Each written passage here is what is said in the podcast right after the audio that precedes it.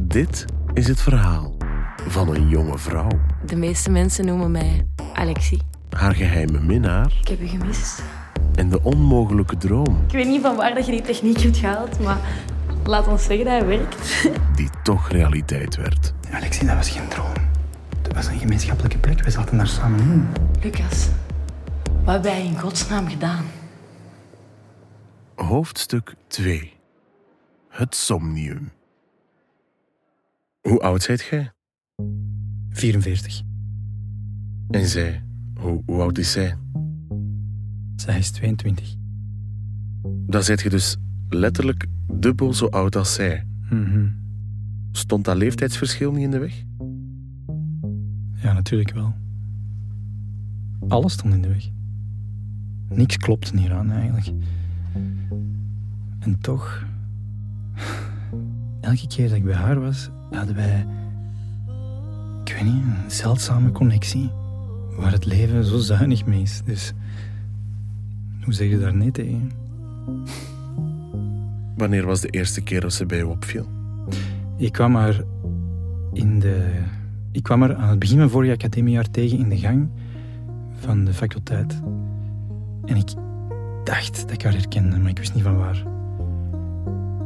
Dus ik knik naar haar en zij glimlacht naar mij. En ik zat dan de rest van de dag mij af te vragen van "Maar waar ken ik haar nu?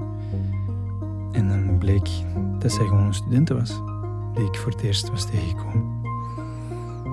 Dat was ons eerste contact. Twee vreemden die elkaar herkenden.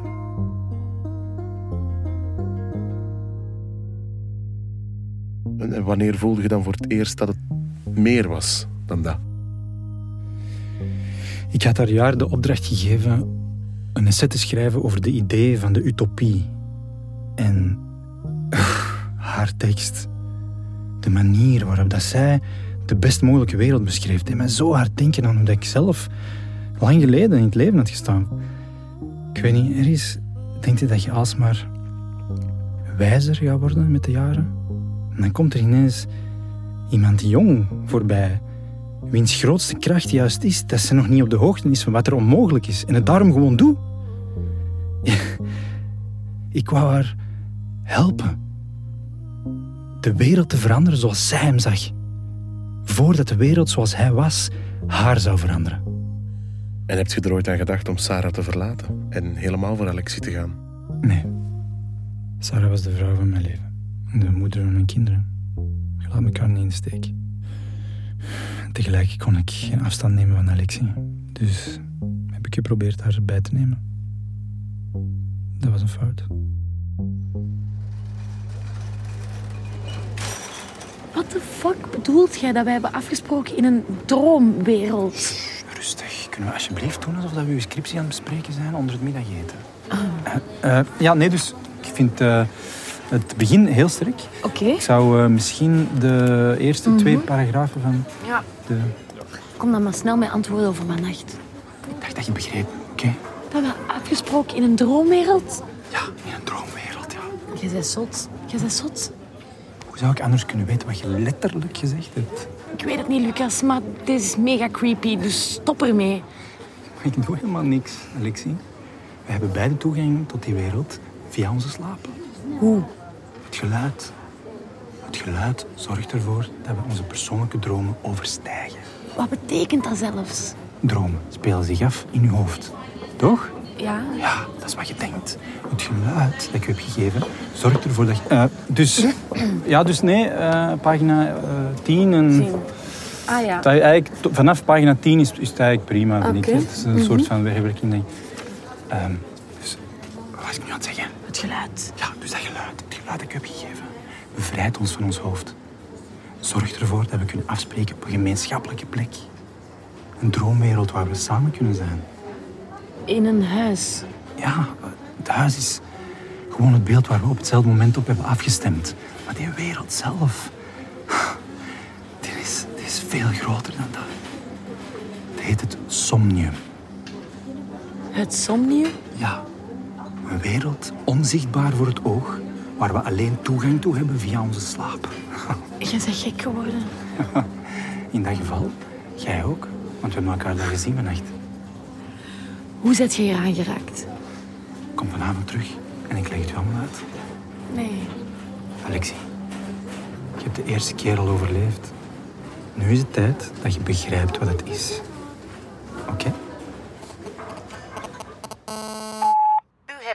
Gemiste oproepen. Eerste bericht. Ontvangen om 12 uur 23. Sjoeke, eh ja, ik ben de lessen vandaag aan het skippen. Eh, sorry. Maar zeg, neem eens op. We gaan vanavond de Smash the Patriarchy filmavond bij Helene doen. Goed? En jij moet de film kiezen, je zet er goed in. Laat jij iets weten? Oké, bye, ciao kus. Volgend bericht. Ontvangen om 15 uur 32. Hey baby, we zijn ons aan het klaarmaken voor de campus vanavond. Hè. Maar ehm, ik wil toch nog even bellen om, om sorry te zeggen voor gisteren. Ik weet dat je soms denkt dat ik nog niet volwassen genoeg ben om met u samen te wonen. Dag mama van Olivier. Proficiat hè, met zijn opvoeding. Olivier is zich heel goed aan het gedragen. Hij is echt super lief naar al die chicks. My god. Bericht gewist. Volgend bericht. Ontvangen om 17 uur 28. Dag Alexie, Eh, met Els hier. Ja, je bent niet komen opdagen voor onze afspraak vandaag, dus ik wilde even checken of alles oké was. Ik hoop dat onze laatste therapiesessie over uw ouders u niet heeft afgeschrikt. Ik denk nu dat het gewoon een kwestie is om door te gaan en niet op... Bericht gewist. U hebt geen nieuwe berichten meer.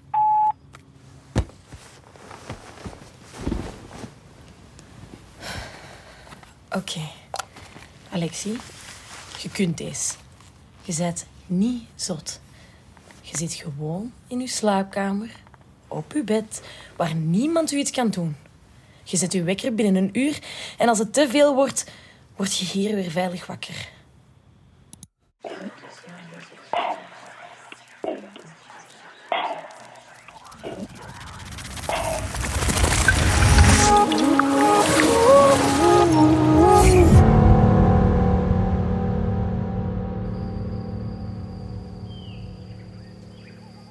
Het idee leek overdag absurd.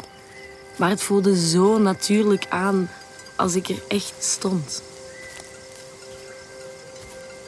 Het graanveld, het huis.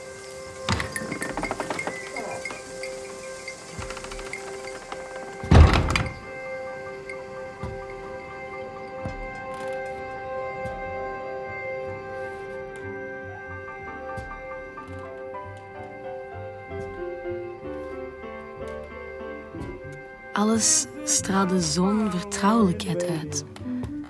Vanuit de woonkamer fladderden twee kleine lichtjes naar mij. Het waren vlinders met glinsterende vleugels.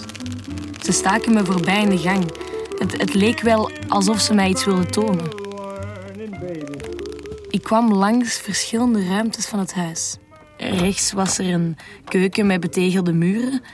En links was er een kamer met schaakborden en puzzels. En er was ook een oude platenspeler die muziek speelde. Uiteindelijk kwam ik uit op de laatste kamer. De deur stond op een kier. In een kleine schrijfruimte, waarvan de muren uit boekenkasten bestonden, zat hij in het midden, schrijvend aan een oud bureau. Lucas? Alexie, je bent teruggekomen. En zou je even daar kunnen blijven? Ja, natuurlijk. Oké. En Dus mijn lichaam ligt nu gewoon in bed. Ja. En mijn lichaam in het mijne. En wat als iemand ons wakker maakt? Dan verdwijnt onze geest hier. Dan schiet hij terug naar ons lichaam beneden. Waar we gewoon weer wakker worden. En dan blijft deze plek verder bestaan zonder ons. Ja. Of we er nu zijn of niet. Het, het somnium. Ik kon het ook eerst niet geloven. Maar dit is er altijd al geweest, Alexie. Daarom voelt het ook aan als een herinnering. Misschien zijn we het Gewoon vergeten bij het opgroeien. Hoe ouder we worden, hoe meer we... Vastraken in onze dagen. Ja. Gaat het? Het voelt als een plaats waarvan ik niet eens wist dat ik ze miste. Begrijp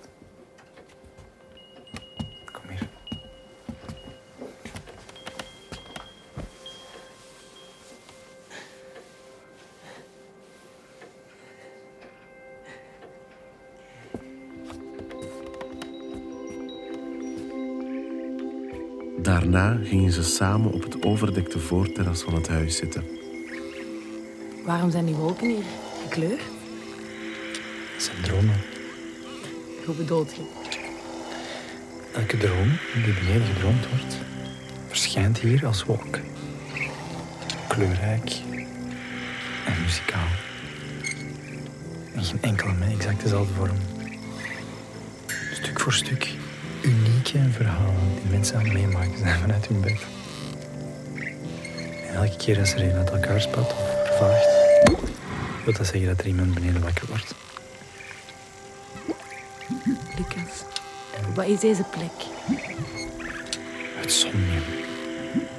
Een eh, parallele droomwereld. Hoog boven ons dagelijkse levens. Waar we met elkaar kunnen afspreken. Tussen de tijdelijke dromen in. Als we naar het geluid luisteren. Ja. Wie het geluid heeft, hoeft niet te blijven vastzitten in zijn droomwolk. Maar kan hier als verschijning rondlopen. Bewust dromen. Ja. Twee knalrode wolken in de verte leken op kersen. Dichterbij hing er een muntgroene, die de vorm had van een toef slagroom. De allerdichtste hing bijna boven hen in het huis. En was van een soort azuurblauw, dat Alexie nog nooit in het dagleven was tegengekomen. Dit is waanzin. Hoe zijt jij over deze plek te weten gekomen? En dat is wanneer Lucas het verhaal vertelde van Frans Morgentouw. Net voor de zomer vond ik in de archieven van Dunif een oud boek. Het heette In het Somnium. En het was in de jaren 20 van de vorige eeuw geschreven door een Zwitserse antropoloog, Frans Morgentouw. Het ging over zijn avonturen in een universum waarin mensen samen konden komen via hun dromen. Het was pas op het einde van het boek dat ik besefte dat hij het niet had geschreven als fictie, maar als reisverslag van een echte plek die hij had bezocht. De toegang daarnaar had hij ontdekt op een van zijn missies als antropoloog. Toen hij op onderzoek trok door in de jungle van het Amazonegebied, was hij op een stam gebotst die de Bodokai heette. Een beschaving die nog helemaal los stond van de moderne wereld. Op een nacht mocht hij bij de Bodokai een slaapritueel bijwonen, waarbij ze op een bepaalde frequentie in de ether konden afstaan. Ja, en Morgenthau kon het opnemen. En sindsdien is dat geluid een eigen leven gaan leven op obscure sites op het internet. Dus ik ging er naar op zoek en tussen alle hoaxes door vond ik de echte opname. En toen ik ermee in slaap viel, kwam ik hier terecht. In de open velden. Dit huis stond er leeg.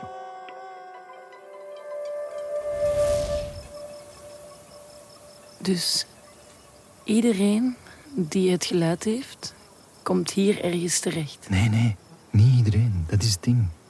Morgenthau zei dat het geluid geen effect had op mensen die er sceptisch tegenover stonden. Daarom noemde hij het somnium een geschenk voor zij die erin geloofden. Dat zijn wij, Alexie, die de kracht van verhalen kennen. Ça va? Ik, eh, ik weet niet. Ik voel me alsof ik ga flauwvallen.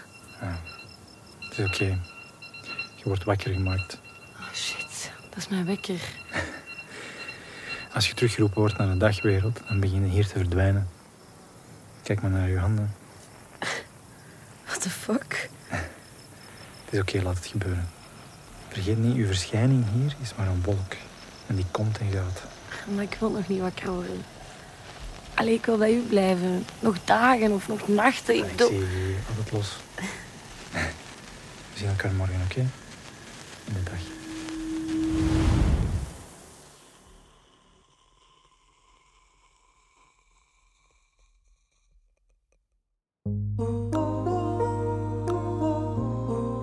Wat doet je wanneer je plots niet één, maar twee levens tegelijk kunt leiden? Wat als je niet meer hoeft te kiezen tussen wat uw hoofd zegt en wat uw hart voelt? Op nacht 1. waren we vooral fysiek met elkaar. Maar terwijl we daarboven afspraken, lagen onze echte lichamen in het echt beneden kilometers van elkaar gescheiden. Dus kunt je het dan zelfs ontrouw noemen?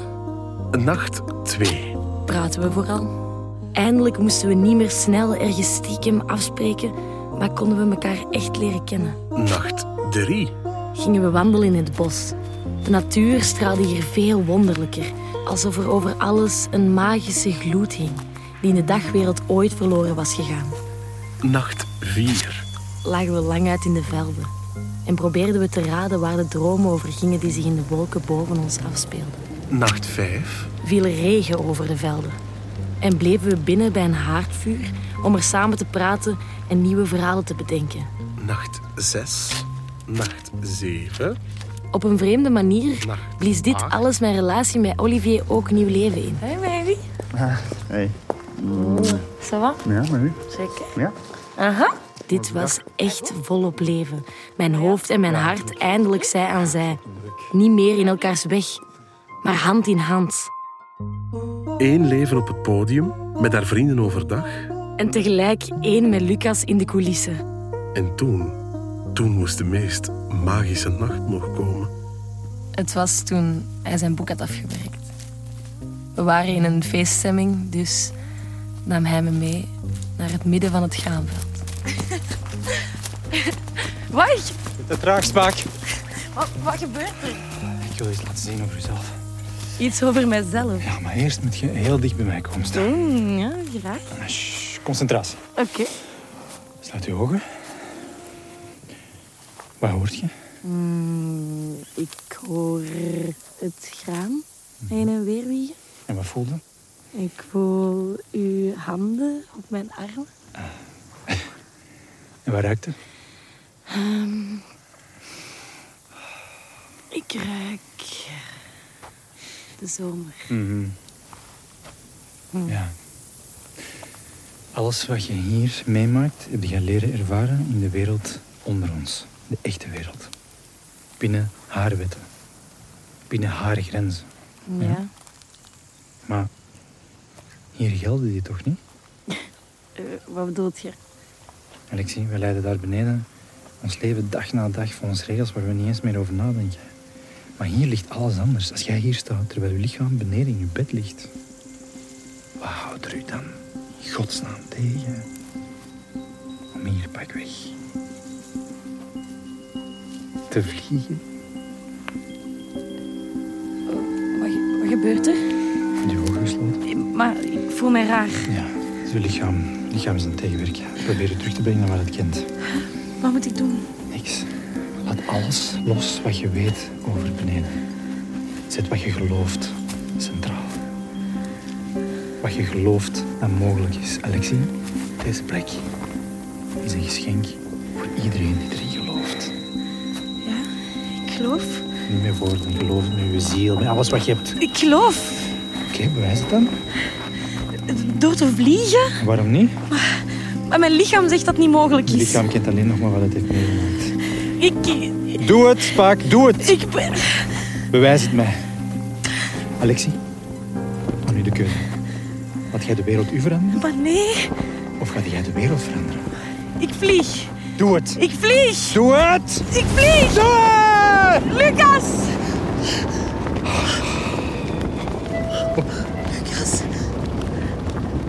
Ben je klaar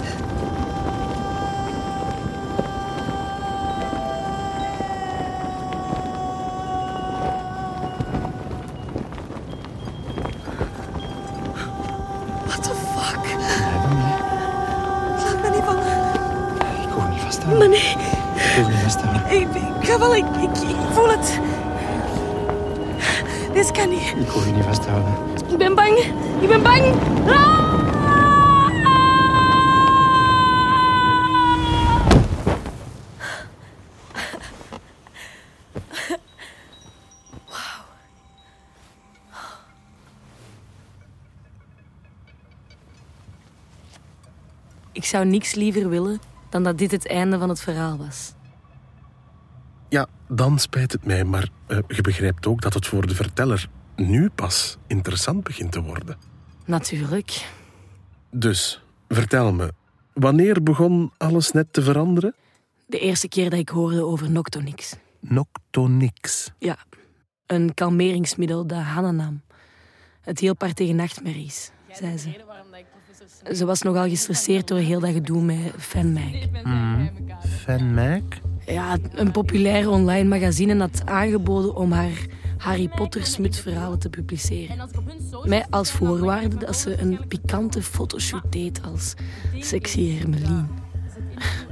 Ik dacht dat ze zo'n walgelijk voorstel meteen zou weglachen. Maar ze twijfelde. Alles voor nieuwe volgers, hè. Uiteindelijk kon ik het uit haar hoofd praten. Maar had er zo van wakker gelegen dat hij Noctonix nam om in slaap te kunnen vallen. Zelfs toen al moeten massaal veel mensen die pillen genomen hebben.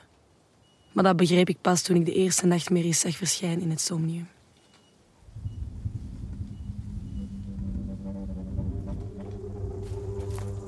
We moeten er op dat moment al weken hebben afgesproken. Ik kwam aan in het graanveld en Lucas was er al. Hij stond in een open plek tussen het graan. En wat ik zag was zo bevreemdend. Vlak tegenover hem hing een lage, gitzwarte wolk boven het veld. Ik riep hem, Lucas! maar hij draaide zich niet om. Lucas! Hij strekte zijn arm uit en wilde de wolk net aanraken wanneer... Hey, Alexie. Wat is dit? het eh, moet een nachtmerrie zijn, denk ik. Dat geluid. Ja. We zouden het kunnen eindigen. Wat? We zouden erin kunnen kruipen en, en zien waar de droom over gaat en het beter maken. Lucas, die dromen zijn van echte mensen. We kunnen die niet zomaar aanpassen. Jawel, jawel, jawel, jawel, jawel. We kunnen ze helpen. Luister. Wie dit aan het dromen is beneden, is echt aan het afzien. Maar het kan toch niet aan ons zijn om te bepalen wat mensen dromen, Lucas? Dat is toch niet anders dan wat we beneden doen? Verhalen vertellen als troost. Maar dan rechtstreeks deze keer. Lucas, deze klinkt eng. Stop ermee. Maar we zouden alleen maar goede verhalen vertellen. Denk aan de impact die we zouden hebben. Vertellen. Zonder tussenvorm. We gaan rechtstreeks naar de kern en we kunnen... Lucas, stop ermee.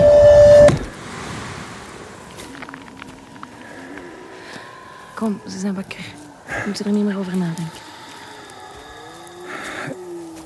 Je hebt gelijk. Sorry. Ik weet niet waar ik had.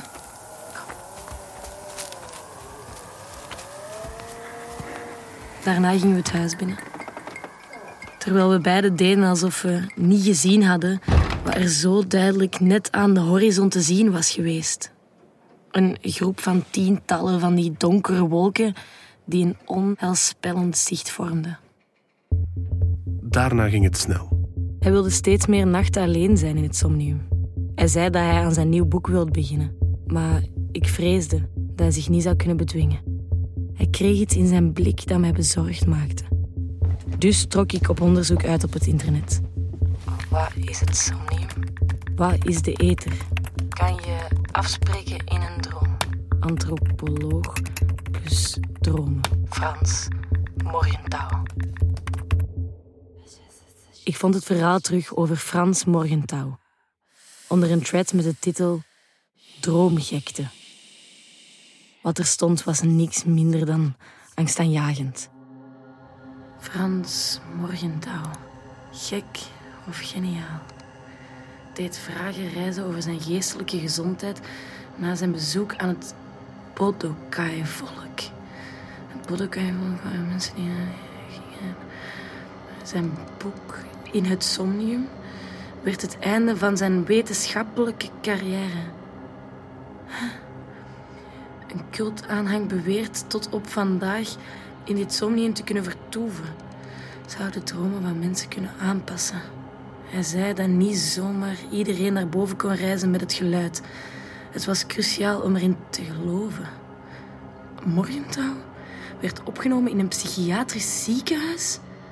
Zijn bewering dat niks wat in het somnium gebeurde zonder gevolg bleef beneden? De laatste foto die van Morgenthau genomen was, gaf me rillingen. Een man die helemaal verteerd in een bed lag en de bezeten blik in zijn ogen. Het was de blik die ik in Lucas' ogen had gezien. Ik kon niet anders dan zelf naar boven te gaan om hem te waarschuwen. Eén laatste keer naar het somnium. Tenminste, dat was uw plan. Regen viel over de velden. De wind zwierde het graan heftig heen en weer. Ik vluchtte het huis in en begon hem te zoeken. Lucas? Lucas! Ik keek in elke kamer, maar hij was nergens te vinden. Lucas? En toch voelde ik dat er iemand in het huis was. Hallo? Een dreigende aanwezigheid Wie is daar? hield mij in de gaten. Hallo? En toen kwam iemand op u af. Een man met kort geschoren haar in een zwart militair uniform. Hij hield een pistool vast. Blijf hier weg! Toen richtte hij zijn pistool op mij en.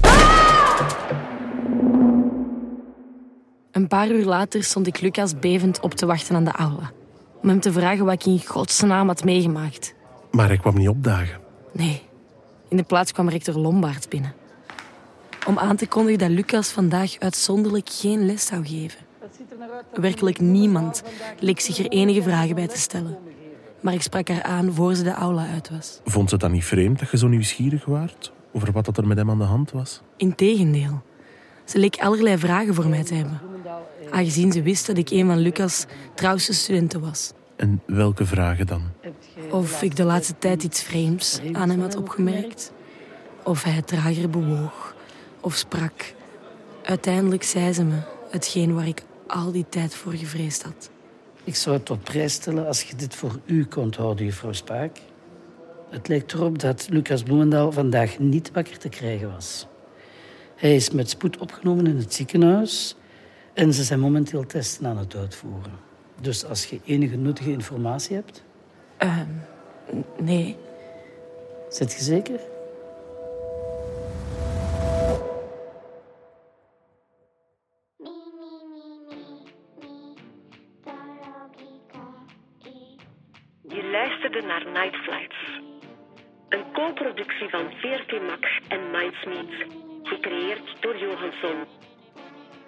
Gemaakt met de steun van het Vlaams Audiovisueel Fonds van de Vlaamse overheid en de auteurs.